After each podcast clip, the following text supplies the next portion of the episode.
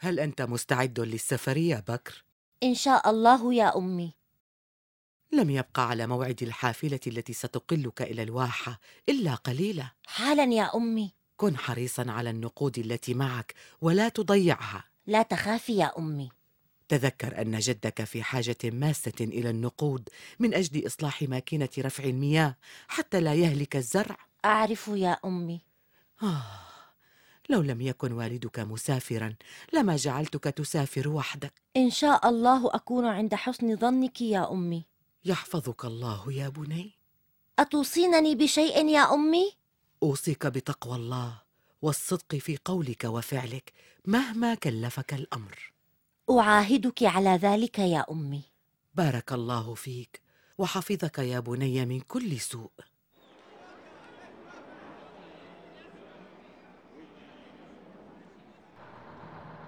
سبحان الذي سخر لنا هذا وما كنا له مقرنين وإنا إلى ربنا لمنقلبون.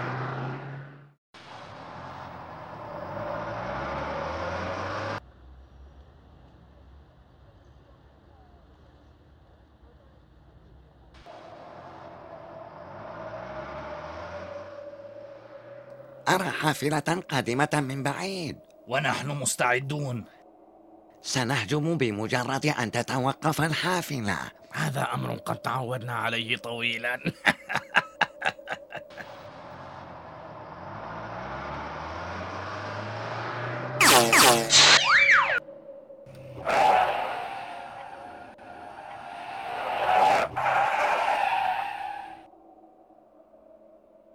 غريب ماذا حدث؟ أحد الإطارات انفجر. انزلوا حتى أتمكن من رفع السيارة وتركيب الإطار البديل.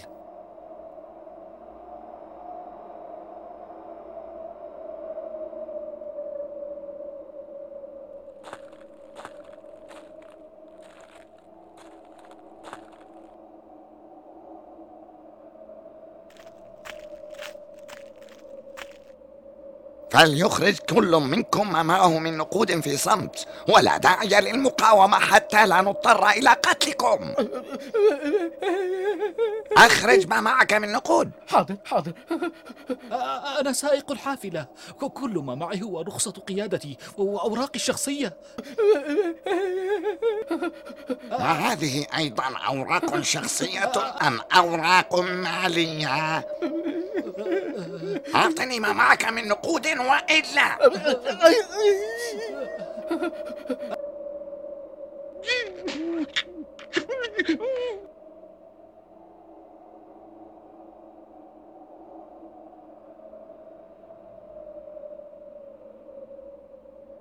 وأنت أيها الغلام هل معك نقود؟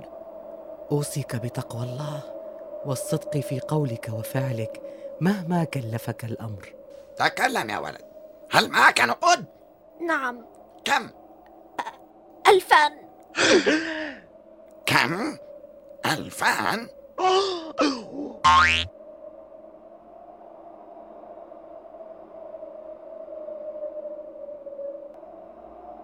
لا شيء هل تسخر مني يا ولد؟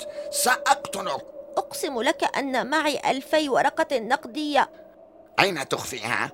لقد فتشتك ولم أعثر على شيء. أين تخفيها؟ أنت ولد عنيد ويجب أن نأخذك إلى زعيمنا والويل لك كل الويل إن كنت تكذب علينا. أحضروهم إلى زعيمنا. أسرعوا أسرعوا. إذا أنت تزعم أن معك ألفي ورقة نقدية. أنا لا أزعم بل أقول الصدق. حسنا. إن لم تخرج النقود التي معك قتلتك.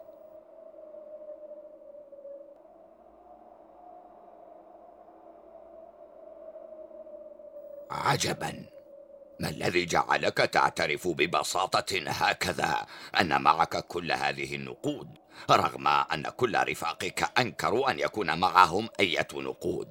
الوفاء بالعهد. لقد عاهدت والدي ألا أكذب أبدا. ولو ضاعت نقودك. ولو ضاعت حياتي أيضا. يا لها من أخلاق نبيلة. تلك التي تجعلك تفي بعهدك. مع علمك أنه سيعرضك للخطر. طفل صغير يعاهد والديه ألا يكذب ويفي بعهده مضحيا بكل هذه النقود. وربما بحياته وأنا قضيت عمري كله لا أفي لربي بعهد واحد وكل حياتي لصوصية وسفك دماء وغدر. الله غفار لمن تاب. أستغفر الله العظيم وأتوب إليه. أشهد الله وأشهدكم أيها الحاضرون أني قد تبت إلى الله. تقبل الله توبتك وغفر لك ما مضى. اعيدوا لهم كل نقودهم وأصلحوا لهم سيارتهم. هكذا تكون بداية التوبة الصحيحة إعادة المظالم إلى أصحابها. الوفاء بالعهد من صفات النفوس الشريفة والأخلاق الكريمة يعظم صاحبه في أعين الناس. قال الله تعالى وأوفوا بعهد الله إذا عاهدتم. وما معنى الوفاء بعهد الله في هذه الآية؟ الوفاء بالعهد صفة من صفات المؤمنين ذوي الألباب وأصحاب العقول. وعهود الله هنا هي الأوامر والنواهي والفرائض التي أمر الله بها عباده في كتابه وعلى لسان رسوله صلى الله عليه وسلم. صلى الله عليه وسلم. وبالتأكيد تجنب جميع النواهي التي نهى عنها الله. حتى لا يقع الإنسان في المعاصي. نعم. أعرف آية في أول سورة المائدة تتحدث عن الوفاء بالعقود وهي قول الله تعالى يا أيها الذين آمنوا أوفوا بالعقود. فهل العقود هنا بمعنى العهود؟ قال بعض المفسرين أن المقصود هو كل ما عقده المرء على نفسه من بيع وشراء وإجارة وتمليك وغيرها من العقود التي أقرتها الشريعة. وكذلك ما عقده المرء على نفسه لله من طاعات كالحج والصيام والنذور وغيرها. وماذا ورد عن رسول الله صلى الله عليه وسلم في التحذير من عدم الوفاء بالعهد؟ قال رسول الله صلى الله عليه وسلم صلى الله عليه وسلم. آية المنافق ثلاث. إذا حدث كذب وإذا وعد أخلف وإذا اؤتمن خان لا حول ولا قوة إلا بالله. أستغفر الله العظيم. في رعاية الله يا رفاق صاحبتكم السلامة. في رعاية الله